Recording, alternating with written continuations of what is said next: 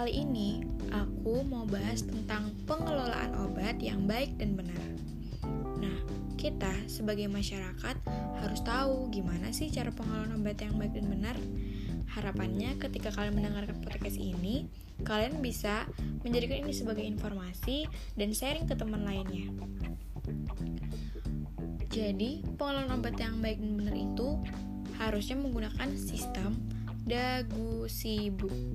Dagu sibu singkatan dari dapatkan, gunakan, simpan, dan buang. Nah, yang pertama, dapatkan.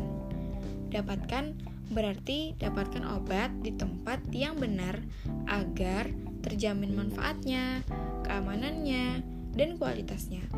Tempat yang benar harusnya adalah tempat yang berlegalitas dong. Contohnya nih, kayak apotik, rumah sakit, toko obat berizin, apotik klinik, puskesmas, dan sebagainya yang memiliki legalitas. Oke? Okay?